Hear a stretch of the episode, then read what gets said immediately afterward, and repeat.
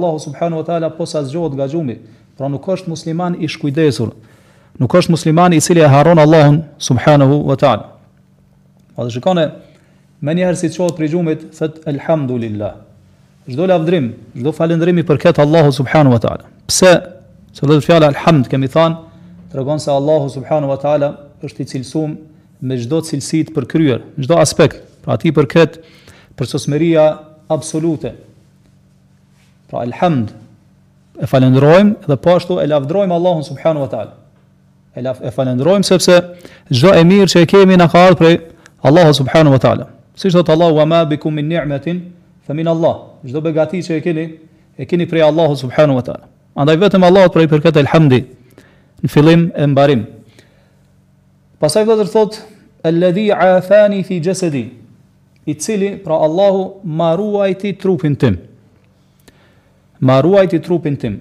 Çka, vëllezër, do të thotë, falënderon Allahun subhanu wa ta'ala, që ti kur je çu prej gjumit, Allahu ta ka rujt trupin, prej defekteve, smunjeve ndryshme.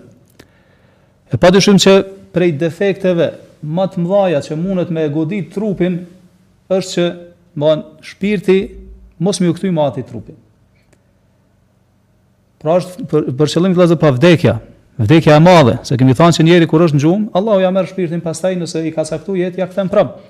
Dhe kjo quhet vdekje e vogël, ndërsa vdekja e madhe pra kur shpirti shkputet prej trupit, edhe nuk i kthehet më deri në ditën e Kiametit kur dalin para Allahut subhanahu wa taala.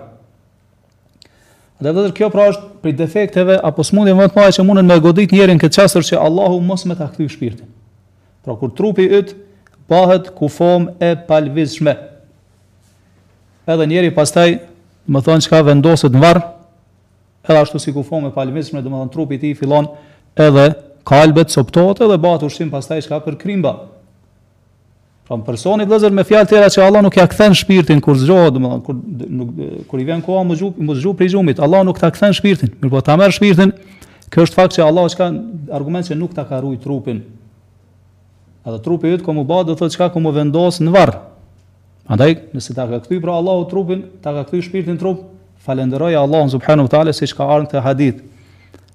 Alladhi afani fi jasadi.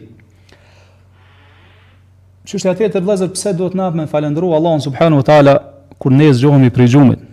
Edhe me thanë këtë alladhi afani fi jasadi, i cili ma ka rujt mu trupin. E vrejmë vëllazër se njeriu gjatë ditës, gjatë jetës tij mundet, do thot me pas shëndet plot, gëzon shëndet plot. I ka gjitha shqisat e veta në rregull. Çdo gjë e ka ashtu siç duhet, funksionon siç duhet. Mirëpo ndodh edhe kemi dëgju për raste ndryshme, ka ra me fjetë, kur është çu, më s'ka mujtë me lviz ndoshta. Apo, i ka pësu defekt ndonjë prej shqisave tij, e kështu me radhë. Andaj vëllezër duhet me falënderu pra Allahun subhanu wa taala, i cili ta ka rujt trupin, që ti kur je çu, je çu prej gjumit, je çu prej gjumit, ti prap gëzon shëndet plot. Gëzon shëndet plot. Edhe kështu ja din, thon, ja din kimetin, ja din vlerën kësaj begatie të madhe të Allahut subhanahu wa taala që e cila t'ripërtrihet çdo mëngjes kur ti çohesh edhe pastaj i vazhdon punët tua ditore. Mirëpo vëllezër, edhe pse është një begati e cila vazhdimisht do thotë ripërtrihet tek njeriu, vrejmë se njerëzit do të thotë nuk i kushtojnë vëmendje kësaj dhe zhyten vazhdimisht në gaflet në shkujdesje, Allahu na ruaj.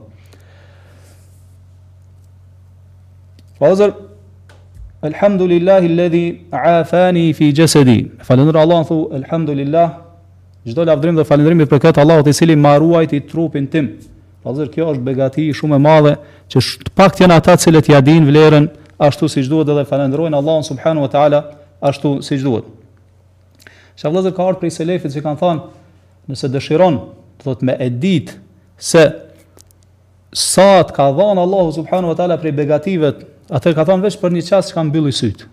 Veç për një çast mbylli syt. Kështu do thotë ia dim vlerën që ka begatia e syve, edhe begative të tjera që ty të rrethojnë, që t'i ka dhënë Allahu subhanahu wa taala.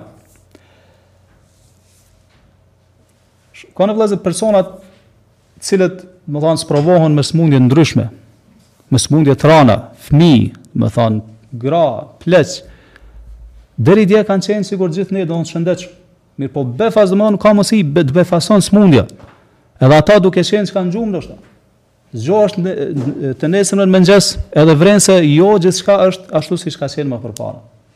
Edhe në njëfarë mënyre bahesh vetëm një numër në ato statistikat e shumta me mijëra njerëzve që janë prek me at smundje të ranë, Allahu na rujt. Pra vëllezër pra duhet me falëndëru Allahun subhanahu wa taala. Shkon edhe nëse ti posedon krejt pasuritë e botës, Apo çfarëdo lloj pasurie që e ki, qoftë e madhe qoftë e vogël. Nëse të kish thanë dikush a po e jep këtë pasuri krejt çka e ki, veç me e kthy qatë shëndetin që e ke pas ma herët, askush nuk kish kanë domethënë mëdyshje për këto. Menjëherë nuk kish hezitu, nuk kish ngurru, i kish jep krejt çka e ka me ju kthy shëndetit. Çështja tjetër vëllazër po thot wa radda alayya ruhi Falënderoj Allahun po ashtu që ta ka kthy shpirtin. Edhe thamë edhe kjo kthehet tek mirëqenia, shëndeti i trupit. Mirpo, çka vëllazër kjo begati me ta kthy Allahu shpirtin n'trup, kjo është prej begative ma t'mdhaja. Pse? Sepse kjo ndërlidhet me fjalin që pason pastaj wa adhina li bi dhikrihi. Dhe më ka leju Allahu ma ka mundësu që unë me përmend ata.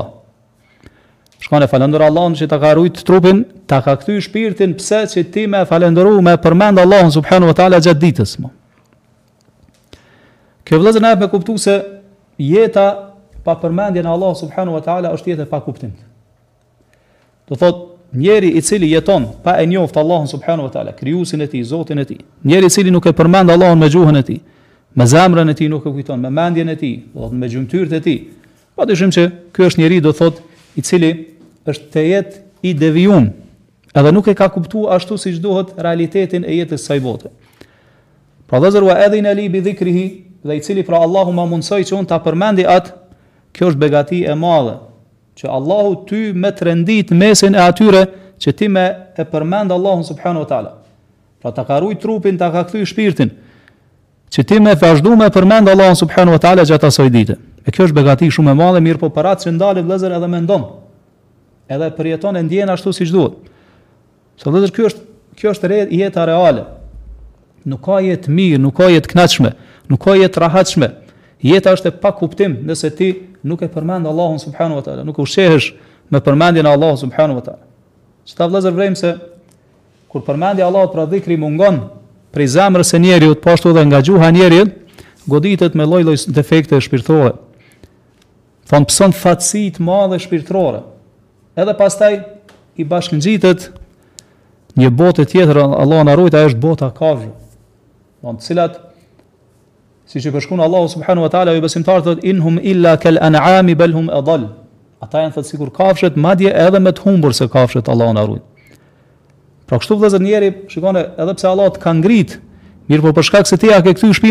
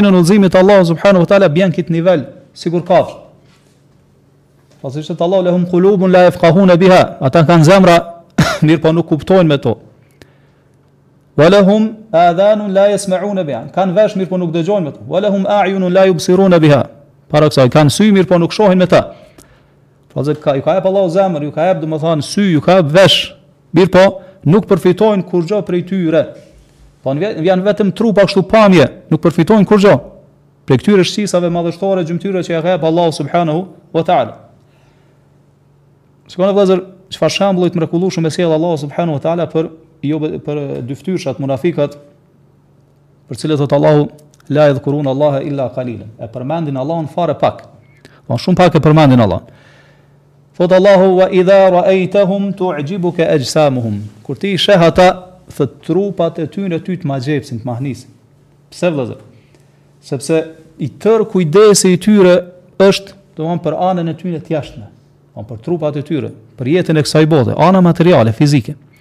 Ndërsa anën shpirtërore e kanë thatë, e kanë zbrazët. Thotë Allah pastaj, wa in yaqulu tasma' li qawlihim. Nëse flasin diçka thotë ti e dëgjon fjalën e tyre, pse domethënë se folin rrjedhshëm, bukur, domethënë i joshin njerëzit me fjalët e tyre. Mirëpo nëse e shikon realisht domethënë atë fjalë që e flasin, Domethënë e sheh se brenda asaj nuk ka kurrfarë realiteti. Domethënë është e zbraztë, nuk ka kurrfarë domethënie, nuk ka kurrfarë kuptimi. Pastaj vëllezër, përshkrimi tjetër që është ende më i mrekullueshëm thotë Allahu ka annahum khushubum musannada. Sikur të ishin drunj të mbështetun. Shikoni çfarë përshkrimi subhanallah. Sikur të ishin drunj të mbështetun. Domethënë janë sikur copë druni i cili nuk kupton kurgjo. I ka domethënë gjitha ky njeri, mirëpo nuk kupton sikur druni, domethënë i themi ne njerit drrasë apo tabula rasa, domethënë nuk kupton shihet kurgjo hiç. Dhe ky njeri nuk e ka arrit me kuptu ende domethënë realitetin e jetës ksaj bote, nuk kupton, nuk ka fikh, sikur me kanë trup i pashpirt.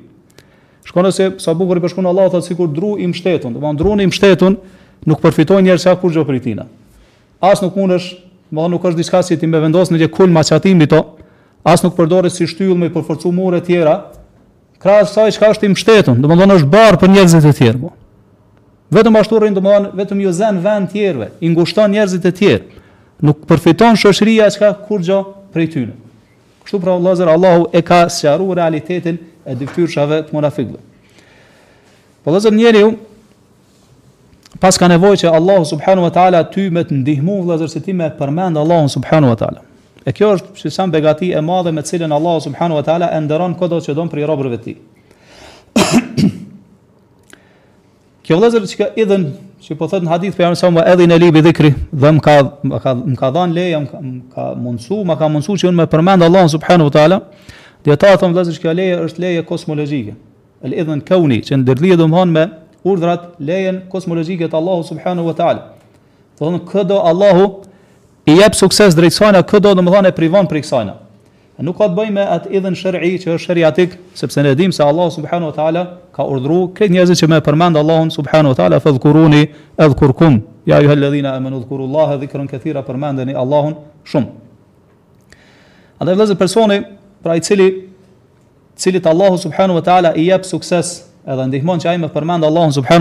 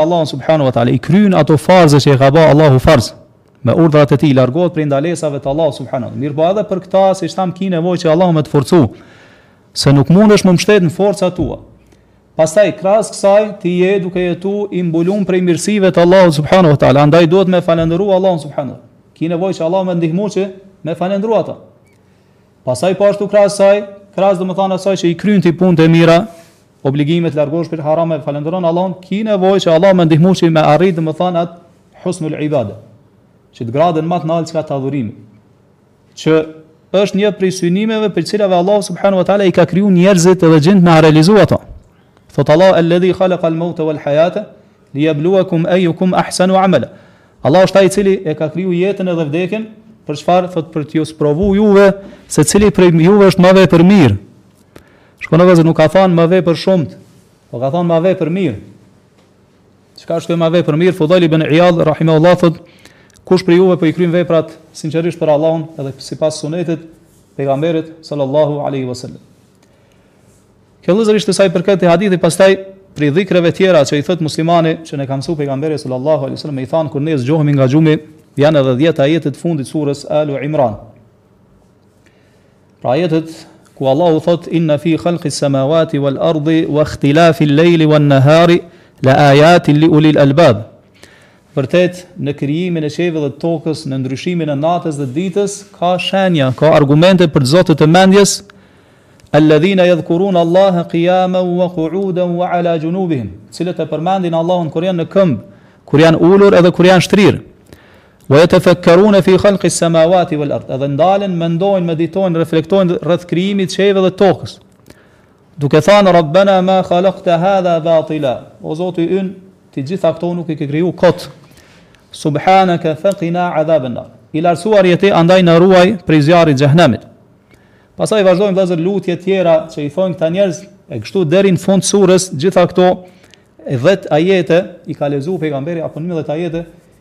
I ka lexu pejgamberi sallallahu alaihi wasallam kur është zgju prej gjumit.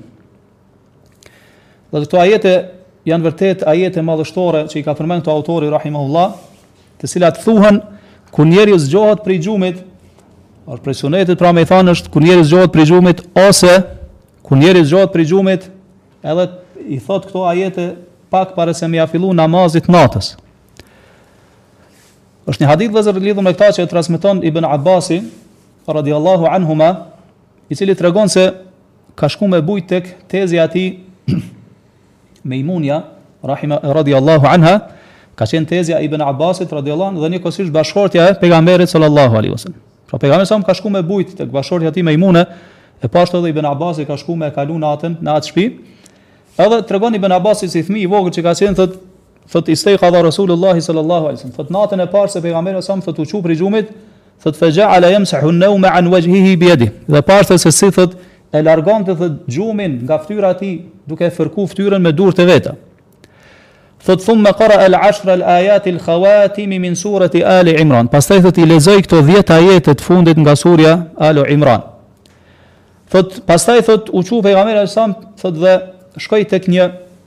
Enë, që është kirbe, shënnin muallaka, kirbe domethënë ajo ena që e kanë maru përpara vëllezër prej lëkurës të kafshve, sidomos deleve, edhe dhe thotë ka qenë kështu e varur e lidhur për, për një druri, apo për një muri, thotë edhe ka marrë abdes prej asaj ene, thotë dhe ka marrë abdes në formën më të mirë të mundshme,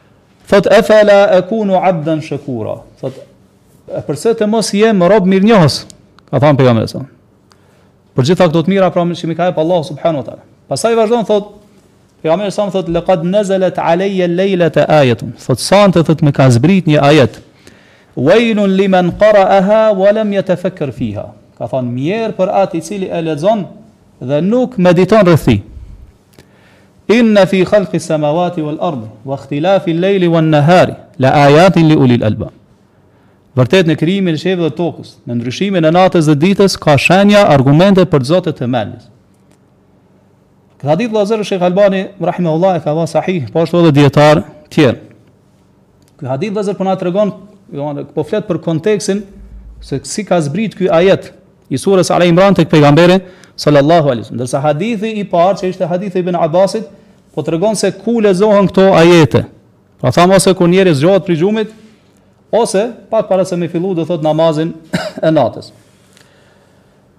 Mirë vëllezër, cila është ndërlidhja tash? Do të thonë që i ka bë dijetarët me mendu do pse pikërisht këto 10 ajete apo 11 ajete mu lexu pikërisht kur ne zgjohemi nga gjumi. Pse bash n'këtë moment, jo, do thot në naj moment tjetër. Cila është ndërlidhja mes kësaj do? Pse i ka lexu pejgamberi sallallahu alaihi wasallam këto ajete në atë moment? Mundem me thënë vëllezër, Allahu e di më së miri do thotë se kjo kohë kur është zgju pejgamberi sallallahu aleyhi sallam me falë namazin e natës siç e përshkrun Ibn Abbasi, thotë është zgju në gjysmën e natës, ose thotë pak para gjysmës së natës, ose thotë pak pas gjysmës së natës.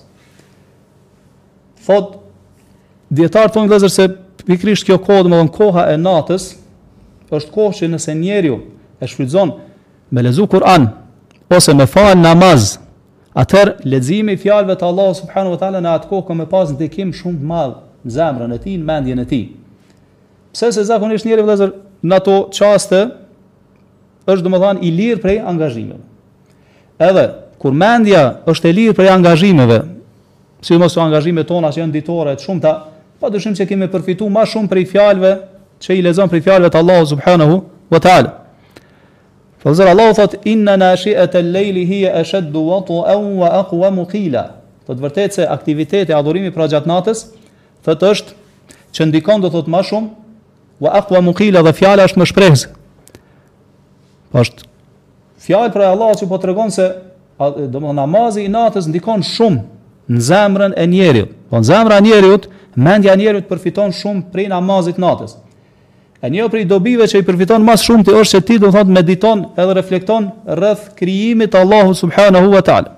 Edhe kjo kohë është koha më e përshtatshme për një adhurim të tillë. Po është më e përshtatshme se sa kohët tjera.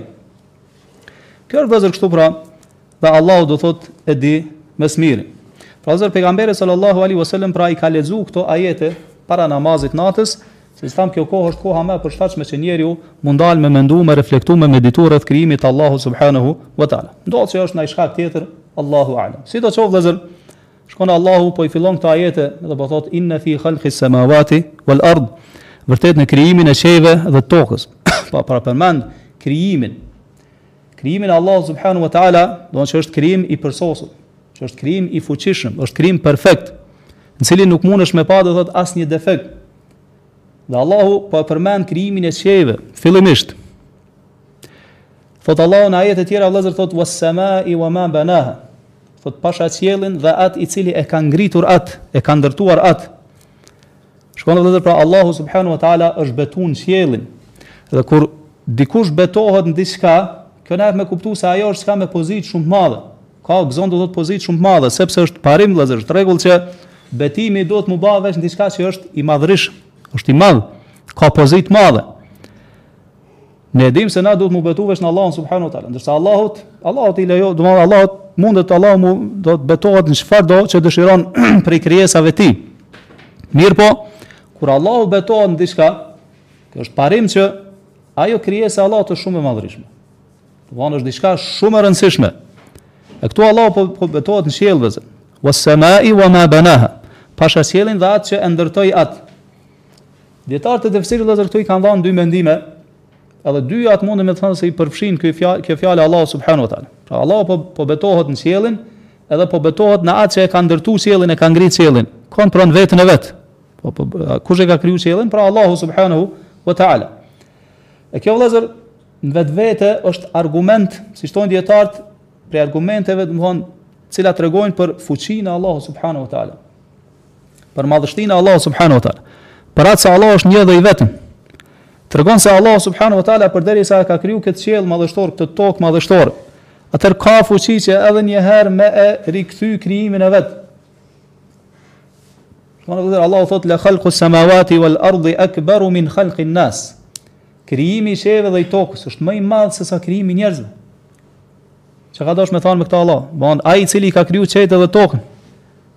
Ka fuqi edhe aftësi që edhe një herë me kthy njeriun në jetën e kësaj bote. Kjo është prej argumenteve vëllezër që përmendin dijetarët prej argumenteve logjike për realitetin e ringjalljes, vërtetësinë e ringjalljes. Tefsiri i dytë was samai wa ma banaha pasha qiellin dhe atë që ka krijuar thonë wa ma banaha thotë wa binaiha. Pasha qiellin do me thanë ndërtimin e saj. Domethanë Allahu është, kri, është betu në qiell, dhe po ashtu edhe në qiellin domethanë si krijim, të cilin e ka kriju Allahu subhanahu wa ta'ala me këtë krijim të përkryer. Po dhe këto janë dy tefsire të njohura tek dijetarët e tefsirit, thamë nuk ka të keqe që ajeti me i përfshi dyja këto. Po ashtu vëllezër edhe toka, e vërejmë se si Allahu subhanahu wa ta'ala është betu do të thotë krijimin, është betu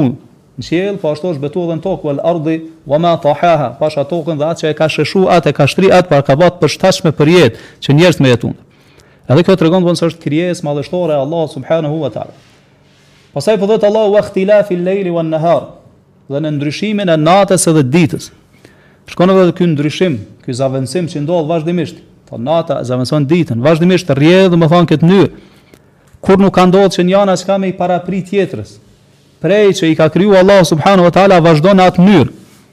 Çka na jep me kuptu kjo vëllazër? Kjo, na jep me kuptu se sa i përkryer është krijimi i Allahut subhanahu wa taala. Thon zgjatet njëra, shkurtohet tjetra. Kështu vazhdon gjithmonë edhe ka me vazhdu domethënë deri në ditën e Kiametit. Kjo tregon domethënë se sa i përkryer është krijimi i Allahut, sa i përkryer është Allahu subhanahu wa taala. Edhe në njëjtën kohë domethënë tregon se Allahu është vetëm një.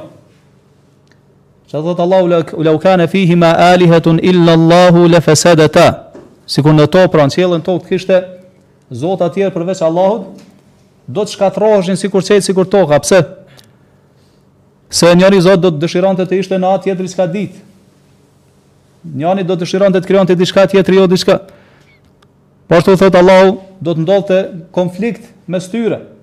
Domethënë s'kish me kanë ky kompakt, domethënë s'kish kanë qiky kompaktitet, domethënë s'kish kanë qikjo perfeksionim në krijimin e qiejve dhe tokës nuk kish ekzistu, sikur të kishte shumë zota. Andaj vëllezër, kjo është argument logjik se ekziston që ka veç, veç një zot, veç një Allah subhanahu wa ta'ala.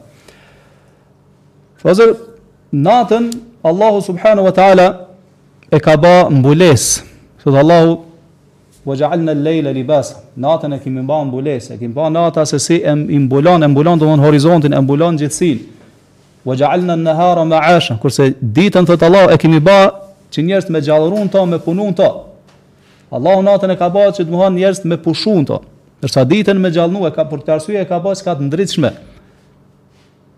E ka vendosur si shenjë se ai, siç është në ajete të tjera, diellin, që njerëzit me dalë edhe me i lyp ato, domthonë dobitë e veta, interesat e veta që i kanë në jetesën e tyre. Gjitha këto vëllezër janë argumente madhështore.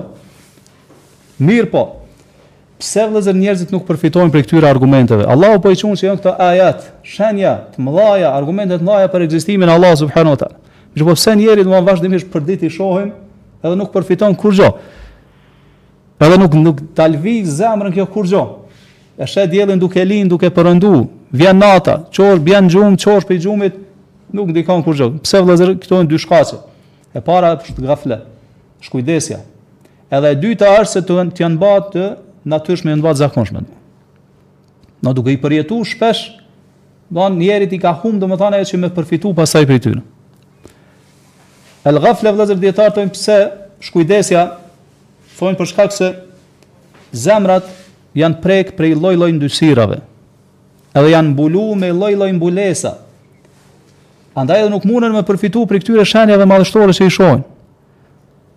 Cilat janë këto mbulesa, vëllezër? Thonë teprimi, e para vëllezër është teprimi, Allah në. Teprimi duke fillu, duke e tepru në gjynahe, mosbindje ndaj Allahut, subhanu wa ta'ala. Kjo të bëhet pengesë që ty nuk, nuk të lenë që ti me meditu rreth krijimit të Allahut, subhanu wa ta'ala. Pra zemrës i humb vëllazër ajo gjallëria, ajo transparenca që thonë. Me anë të cilës ai mundet me shiku me shikim të saktë, me shikim të shëndosh, edhe me përfitu pasaj duke shiku në krijimin e qiejve dhe tokës. Pra i verbohen sytë e largpamësia e zemrës. Edhe pasaj si rezultat i kësaj, njeri nuk mundet me e lexu universin. Dijetarët vëllezër thojnë që universi është si një libër e hapun, që ne e lexojmë domethënë qeka me sytë tonë. Duke e shikuar çka përfitojmë, edhe marrim porosi madhështore, marrim mësime madhështore. Mirpo, për shkak ç'kujdesit vllezër, teprimit, thellimit, edhe në gjana që janë hallall vllezër, njeri kur e tepron, kjo ta ngurcon zemrën ta bon vrazhdë. Gjumi i tepërt, ngrëniet e tepërt, Shakatë e tepërta, të folurit e tepërt, shikimi i tepërt, dëgjimi i tepërt gjërave të panevojshme, krejt këto ta ngurcojnë zemrën, ta mbulojnë zemrën. Edhe pastaj nuk përfiton prej këtyre shenjave, edhe nuk i sheh, edhe nuk ta lëvizin fare zemrën. Shikoni vëllezër nëse me marr një shembull kështu nëse domethanë njeri prej si lind e vendosin me një vend kështu të mbyllt. Edhe ai kurr nuk e sheh, domethanë as diellin nuk e ka pa, nuk e din çfarë është nata, çfarë është dita, as nuk i nuk i përjeton këto që i përjetojmë na për ditë. Edhe kur ta arrin një moshë të caktuar, domethanë në atë moshë që mundet me dallu çka është e mira, çka e keqja, edhe e qet prej atij vendi, edhe ai për një herë e sheh domethënë diellin tu lind. Çka merr mendja, si kish me kanë reagimi i tij. Po a kish nejt tan ditën duke e shikuar çka diellin. Prej si lind deri çka çysh po lviz deri sa të perëndon. Po ashtu kish nejt tan natën kur i kish pa yjet që dalin n'qiell. Detin, malet, domethanë lumejt. Krijimin e Allahut domethanë ish magjep, ish mahnit. Masi është hera e parë domethanë çka që i sheh. Porse njerëzve sot domethanë, ju kanë bërë domethënë të përditshme, edhe nuk përfitojnë shumë prej tyre. Mirëpo vllezër edhe kjo, shkjo me, përfit, me përfitu na prej këtyne shenjave madhështore, edhe me largu qit që na janë ba të zakonshme, edhe të përditshme, mundet njeri me e thy edhe kit pengesë. Sidomos kohën në cilën jemi duke jetu, elhamdulillah, domethanë që ka avancu edhe shkenca, domethanë, mirëpo po edhe këto mjetet e informimit, edhe rrjetet sociale, po munesh me pa, domethanë, përmes televizionit, apo përmes këtyre rrjet, domethanë, seneve që janë shumë dobishme, dokumentarve ndryshëm, i sheh domethanë qat krijimin e Allah subhanahu wa ta'ala. Sheh domethënë gjallesa të ndryshme, si ma atje në thellësi të oqeanit. Shikon se si ja u çon Allahu rrizkun se si jetojnë, si, si shumohen, si domethënë jet si gjallërojnë. Si u vjen rrizku i Allahu subhanahu wa taala. Po ashtu i sheh gjallesat që nuk i sheh do thot me syrin e lirë, po i sheh me anë të mikroskopit. Gjitha këto sot i kemi të qasshme. Po ashtu pastaj nëse shikon qiell me anë teleskopit domethanë sheh planete, yje domethanë n'formë zmadhume.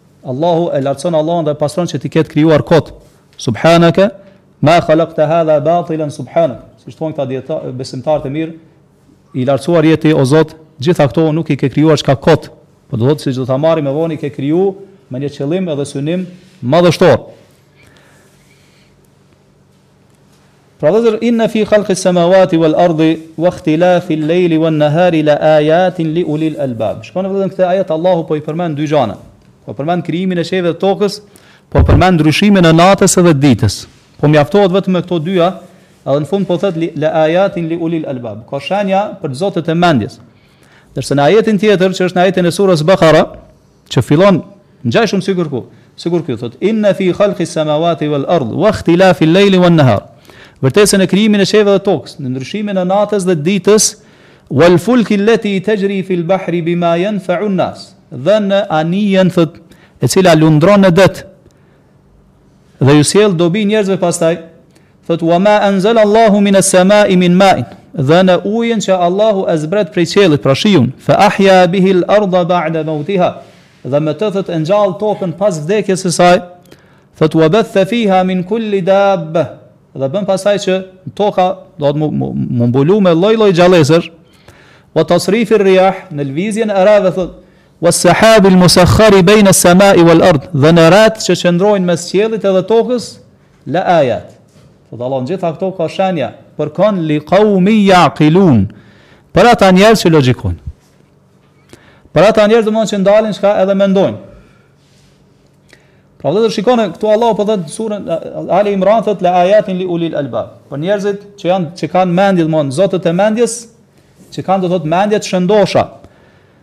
Kush janë këta? Po i përmend Allahu në surën Bekare, li qaumi yaqilun, janë ata që logjikojnë. Po ata që logjikojnë, kanë logjikë t'shëndosh, janë ata të zotët e mendjes. Çka logjikojnë këta vëllazër, çka domethënë për çka e përdorin mendjen e tyre? Me ditë se çfarë mesazhi po don me përçu Allahu subhanahu wa taala përmes këtyre ajeteve. Këta vëllazër ndalen, mendojnë, meditojnë rreth ajeteve të Allahu subhanahu wa taala që i lexojnë. Cilat janë ajetet e Allahut që i lexojnë? Pra Kur'ani, e hapin e lexojnë, meditojnë, përfitojnë prej tij. Po ashtu meditojnë, reflektojnë në shenjat e Allahut që i shohin vazhdimisht. Diellin, hanën, natën, ditën, tokën, planetet, yjet, gjitha këto. Si shtan e lexojnë do të thotë universin sikur të ishte libër i hapur që lexohet. Se vëllazër na e morëm hadithin çka thanë Aisha për çka ka thanë pejgamberi sallallahu alajhi wasallam, hadithin që po transmeton Aisha,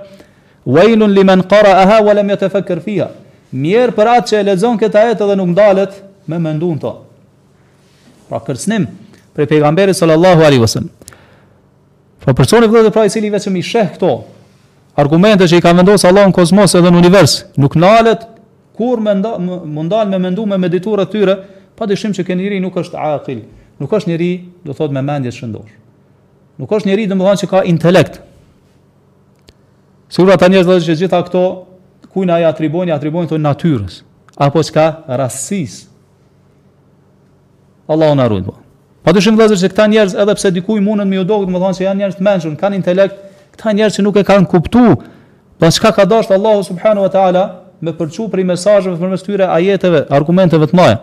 Andaj nuk janë ulul elbab, nuk janë njerëz me intelekt, nuk janë njerëz, njerëz që logjikojnë, nuk kanë mendje të shëndosh,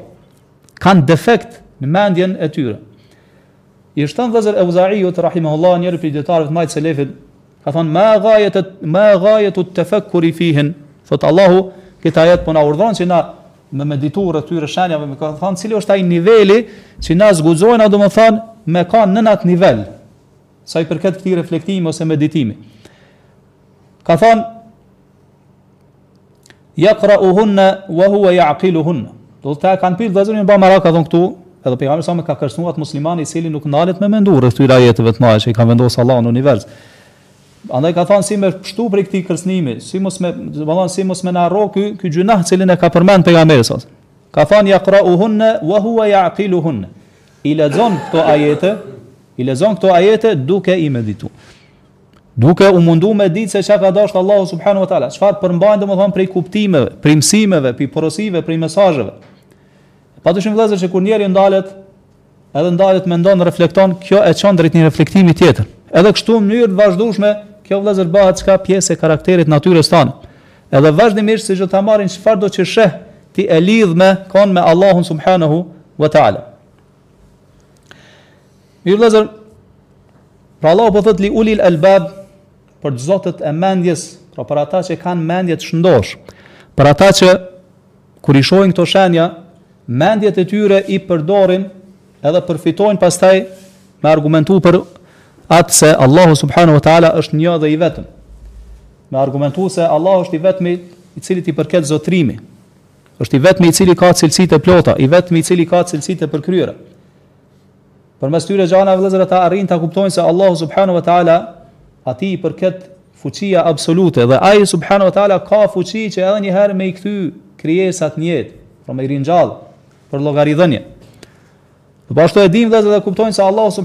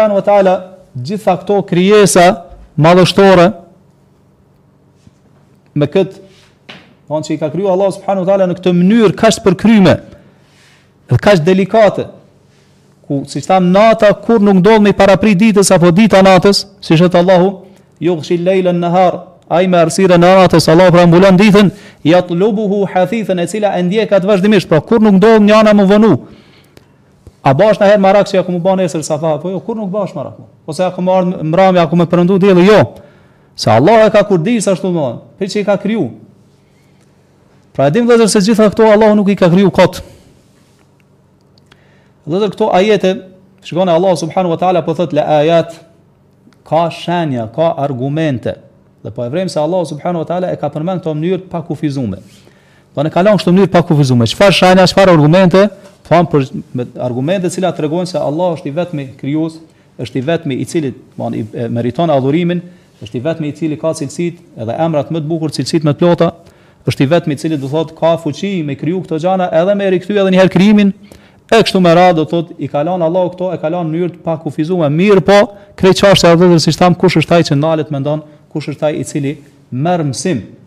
E këtu Allahu po përmend se të vetmit ata që marrin mësim janë ulul albab. Janë ata të zotët e mendjes, që kanë mendje të shëndosh. T'cilat vëllezër këto mendje, nëpërmjet shikimit sakt, nëpërmjet mendimit sakt, reflektimit sakt, arrijnë që me pas dobi. Edhe i shfrizojnë të mirën e tyre, që me i arrit këto synime madhështore, me i njoh ato realitetet ma t'mdhaja vëllezër që ekzistojnë. Pse jam këtu? Pse kam ardh? Ku do të shkoj? Çfarë do të bahet me mua? Gjitha këto pyetje që Allahu i ka vendos n'natyrën e njeriut. që e përcjellin njeriun çka vazhdimisht, edhe prej cilave ti, për të cilat nuk mundesh me gjetë përgjigje veçse çka në shpalljen e Allahut subhanahu wa taala. E kur njeri ndalet pra mendon rreth këtij krijimi madhështor, të bahet e qartë se kjo botë nuk është vendqëndrim i përhershëm. Po ashtu të bahet e qartë se patjetër ka m'ardh koha kur ki m'u zhvendos Prej ksaj bote në botë tjetër, që është bota e llogaridhënies. E pastaj ose ki m'u shpërbly ose ki m'u dënu për punët cilat i ke ba. Pra vëllezër këto ajete që i ka përmend Allahu Subhanahu Wa Ta'ala, janë ajete që i sheh çdokush, sikur muslimani, sikur jo muslimani. Pastaj edhe muslimanët, domethanë, kanë dallim n'mënyrën se si i shohin vëllezër këto. Për qata Allahu ka përmend se Kush përfiton prej këtyre thotë ulul albab, vetëm ata që kanë mendje të shëndoshë. Vetëm këta i paska veçu Allahu subhanahu wa taala prej mesit të atyre të cilët përfitojnë prej këtyre ajeteve, prej këtyre shenjave. Sikur në fillim t'sures Bekara, çka thotë Allahu Alif Lam Mim, Dhalika el kitabu la rajbe fih. Ky është një libër, pra Kur'ani në cilin nuk ka fije dyshimi, huden lil muttaqin. është udhëzim për kon, për t'devotshmit. Ata që i kryjnë obligimet largohen çka prej harameve. Mirë, për tjerët a nuk është udhëzim Kur'ani, është për krejt është Kur'ani udhëzim, për krejt krijesat. Mirëpo pse i ka veçuar Allahu vetëm këta? Pse ka thënë është udhëzim për devotshmit? Sepse këta janë që më së shumti përfitojnë prej udhëzimeve të Kur'anit. Ndërsa sa i përket t' tjerëve vëllezër, jobesimtarëve, Allahu na ruajt. Si i përshkrun Allahu ata n' Kur'an si tha in hum illa kal an'ami bal hum adall. Ata janë sikur kafshët, madje janë edhe më të devijuar, më të humbur se kafshët.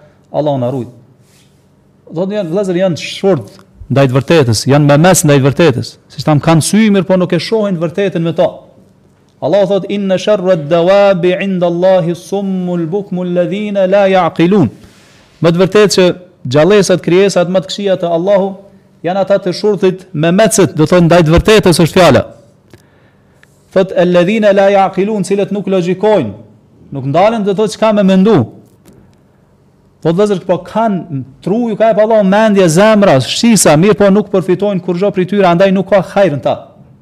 Allahu thotë, pas këtij ajeti, ue lau alimallahu fihim hajran le esma'ahum. Sikur Allahu të dinte se te këta do të ketë ndonjë mirësi, do t'ua mundësonte të dëgjonin çka të vërtetën, të përfitonin prej saj.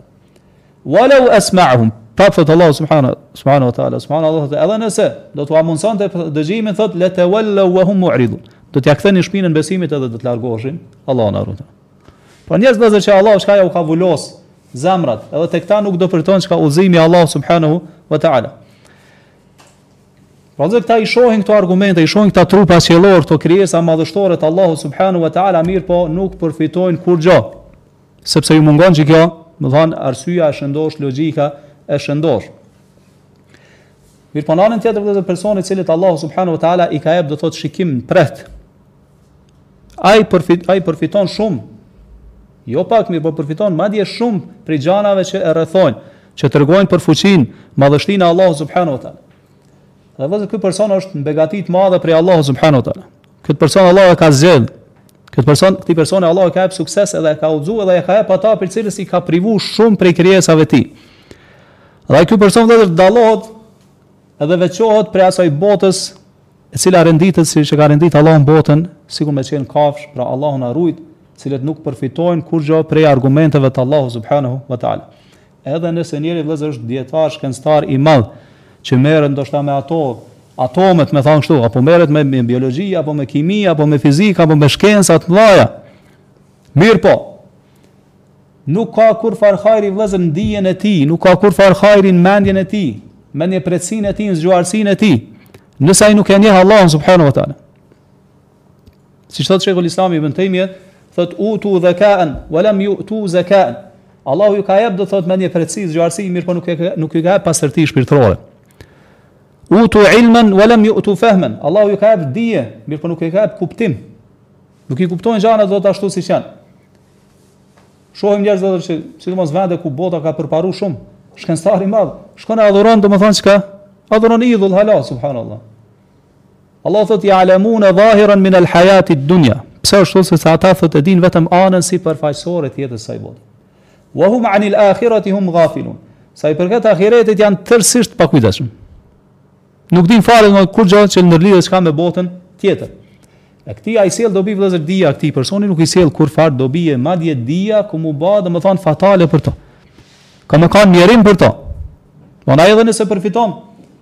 Përfiton vetëm prej dijes në jetën e kësaj bote.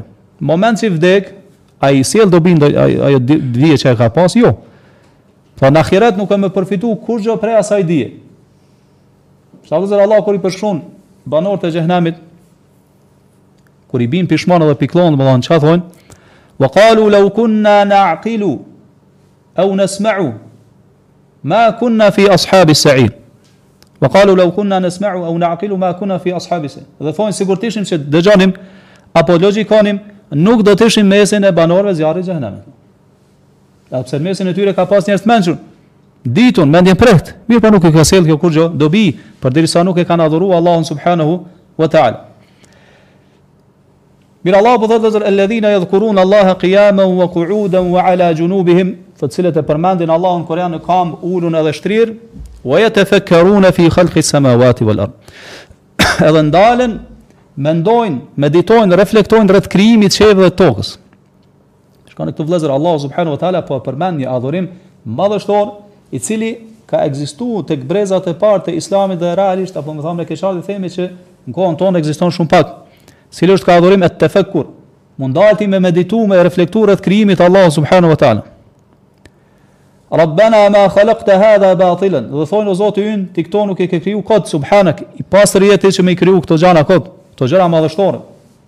Faqina adhab an-nar. Andaj na ruaj nga zjarri i xhehenemit. Kjo vëllezër, ky ajet na jep me kuptu se çfarë vlere të madhe te Allahu ka kur njeri ndalet, mediton, reflekton rreth krijimit të Allahut në mënyrë që me marr mësim. Ajo është adhurim ku ithtarët e besimit të saktë thamë e vënë në funksion mendjen e tyre që me arrit te këto pozita të larta. Do të thotë me zemrat e tyre, me mendjet e tyre adhurojnë Allahun subhanahu wa taala. E pastaj Allahu subhanahu wa taala i shpërblen dhe ju hap diapazon të madh të dijeve. Shikoni vëllezër, kur, kjo nuk është vetëm, siç thamë, kur njeri ban, e, e, shikon, e vështron, e vrojton krijimin e Allahut subhanahu wa ta'ala, mirëpo edhe kur i lexon ajetet e Allahut subhanahu wa ta'ala, siç është Kurani, nëse i lexon me meditim,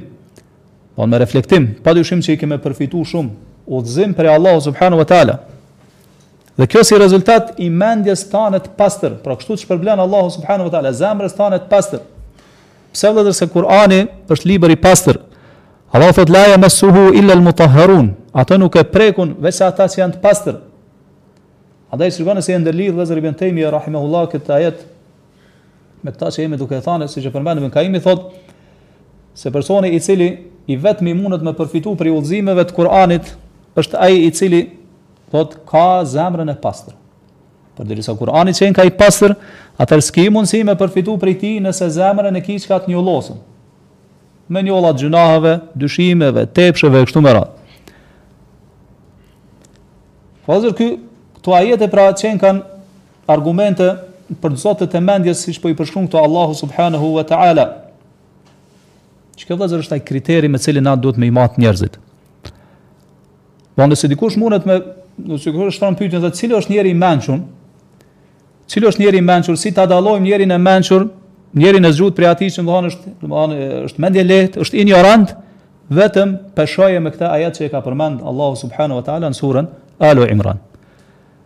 Dhe vllezër çka na jep neve me kuptu kjo, si musliman ti dmth nuk duhet vllezër mu mashtru me tituj që i mban njeri, doktor, akademik, doktor shkence, akademik, ne ja nej, mban tituj t'ndryshëm, llakabe t'ndryshme, Mirëpo, është person i cili, domethënë, nuk ndalet me menduar rreth krijimit të qiejve e tokës, nuk e përmend Allahun subhanahu wa taala ky te Zoti është poshtë. Te njerëzit është këtu, njerëzit kanë me e ngrit. Mirëpo dije se te Allahu nuk ki kurrfarë vlere. Se Allahu kon po i lavdron ata njerëz që ndalen, domethënë, edhe reflektojnë, meditojnë rreth krijimit të Allahut, edhe përmendin Allahun subhanahu wa taala. Kur janë n'kam, kur janë ulur, edhe kur janë shtrirë. Pra e dinë se pse ekzistojnë në jetën e kësaj bote, cili është qëllimi, për çka kanë ardhur në jetën e kësaj bote. Edhe përgatiten për botën tjetër. Këta janë vëllezër njerëz, këta janë njerëz të mençur. Këta janë njerëz domethënë që e kanë atë mendje logjikën e shnosh mendjen reale. Edhe pse të tjerë vëllezër i akuzojnë, siç dëgjojmë lloj-lloj akuza, thonë se këta besimtarët janë njerëz çka Pasues t'verbër. Këta njerëz çka si përfaqësor. Këta njerëz çka mendjelehtë, njerëz që i kanë mashtru, njerëz gjithmonë kanë thënë kështu. Ta përmend Allahu në Kur'an. Wa idha qila lahum aminu kama amana an-nas, kur atyre u thuhet besoni, qysh kanë besuar njerëzit? Ça thonë? E nu'minu kama amana as-sufaha. A besojmë ashtu qysh kanë besuar mendjelehtët? Kështu na cilësojnë.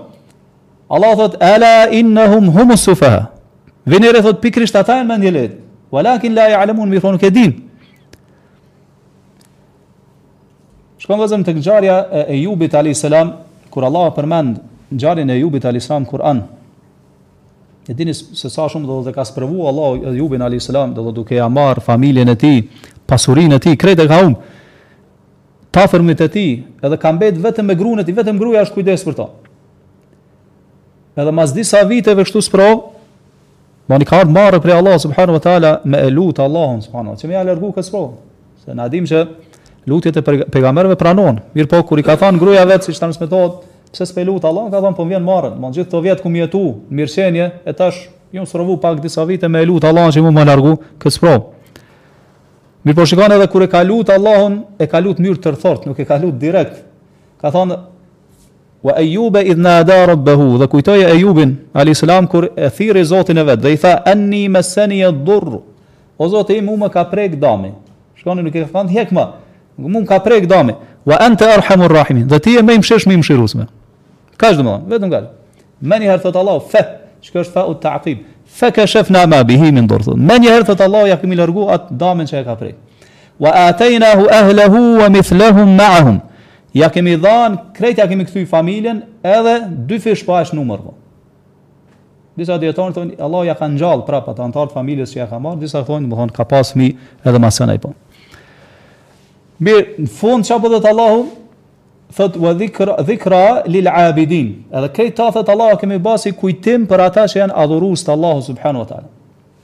Në një sure tjetër vëllazër kur Allah përmend ngjarjen e Ejubit alayhis salam thotë wa dhikra li ulil albab.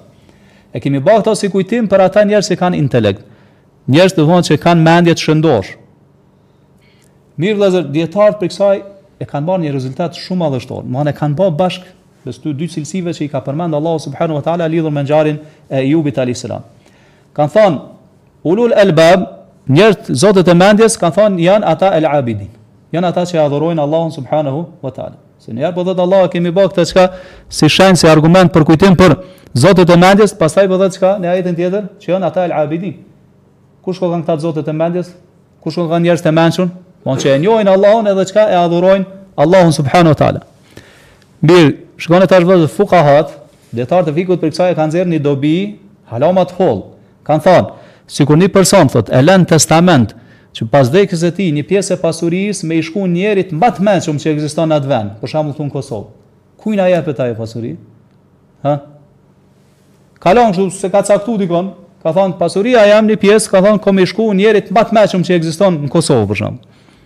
Sipas këtij ajeti kush qenka ai, i jepet personit që më së shumti e adhuron Allahun subhanahu wa taala. Pikërisht domethënë ai është njeri që më i mençëm po.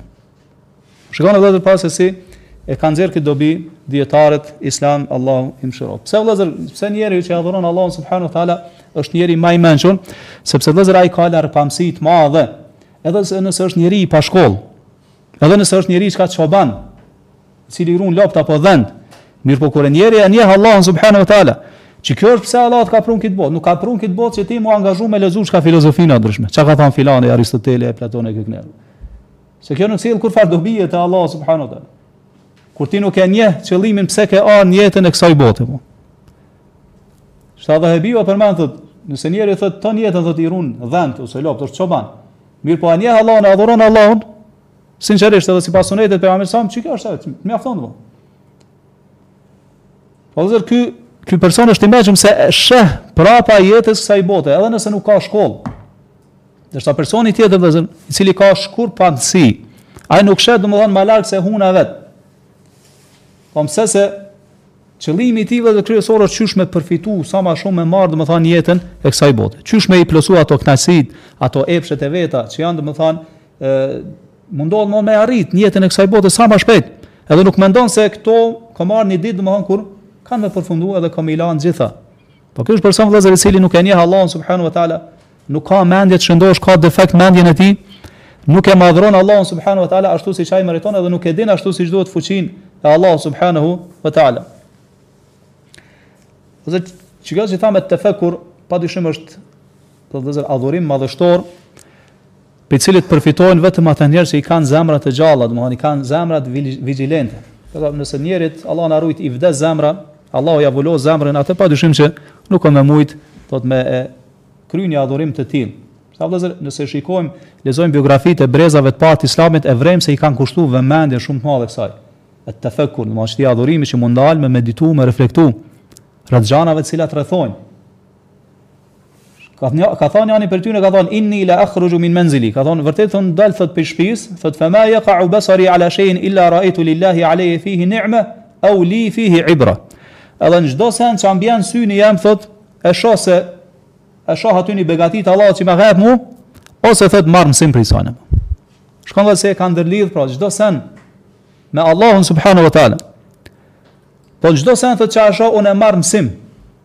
E si është puna domethënë me krijimin e qiejve, të tokës, kodrave, maleve, lumenjve, detrave, oqeaneve kështu me radhë.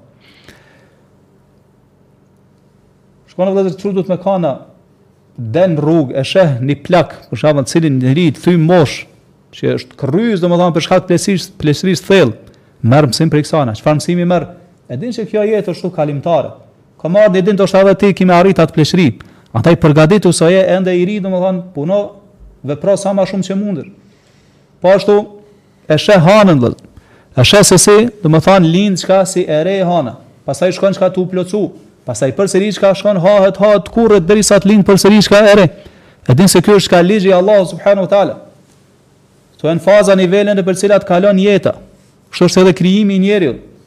Fillon si i vogël, pastaj rritesh, pjekesh, pastaj fillon e merr edhe një herë çka tatëpjetën, kthehesh ashtu siç ke qenë në fillim. Gjitha këto vëllezër çka i sheh njeriu, duhet me marr mësim. Që ta vëllezër, moment që e vëren që, domethënë t'ka ngurtësu zemra, je dhanë, domethënë, mas jetës kësaj bote, dil te kvarrezat, domethënë, vizitoj pak varrezat, elhamdulilah këtu i kemi varrezat, domethënë, afër, shko vizitoj edhe e sheh, Ata kanë thanë prej selefit që kur njeri e sheh një varr, thotë ka pa një këshillues, një këshillues shumë të madh, thotë edhe pse ai nuk të flet, thotë mirëpo me gjendjen e tij të flet, të tregon se ka me ardh dita kur ki me hi edhe ti në atë varr.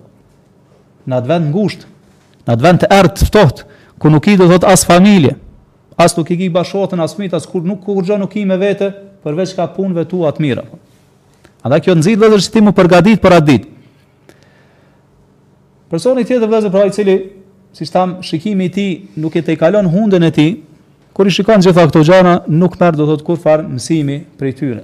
Pra vëllezër Hasan el Basriu rahimahullah ka thënë Tafakkuru sa'atin khairun min qiyami layla. Ka thënë më e mirë, më e vlefshme është m'u nal ti me meditu, me reflektu një çast se sa m'u fal tan natën.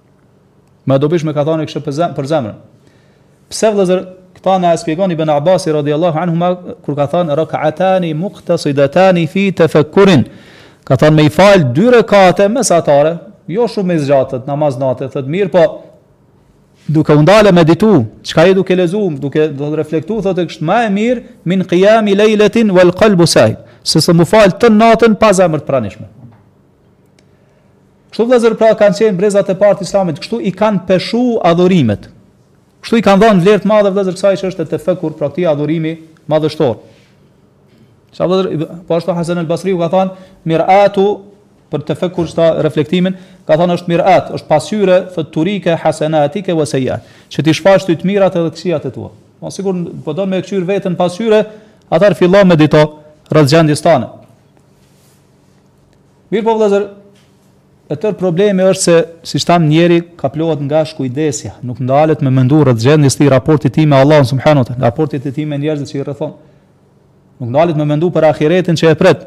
Shkon edhe ka pas prej brezave të parë të Islamit që është ndalë kështu tu mendu, tu mendu, është habit. Çka ka menduar, nuk ka menduar sikur njerëzit tash domosdoshmë që mendojnë çysh me bë, një filan punë, çysh me marr një fitim, çka me bë. Mirpo ka mendu për ahiretin, ka mendu qysh ka me vdek, pastaj pyetje në varr, pastaj ringjallja, pastaj ato momente të tmerrshme të frikshme që kemi me përjetu secili prej nesh. Tash kur e kanë pa i kanë thonë ku mrive, ka thonë te Sirati.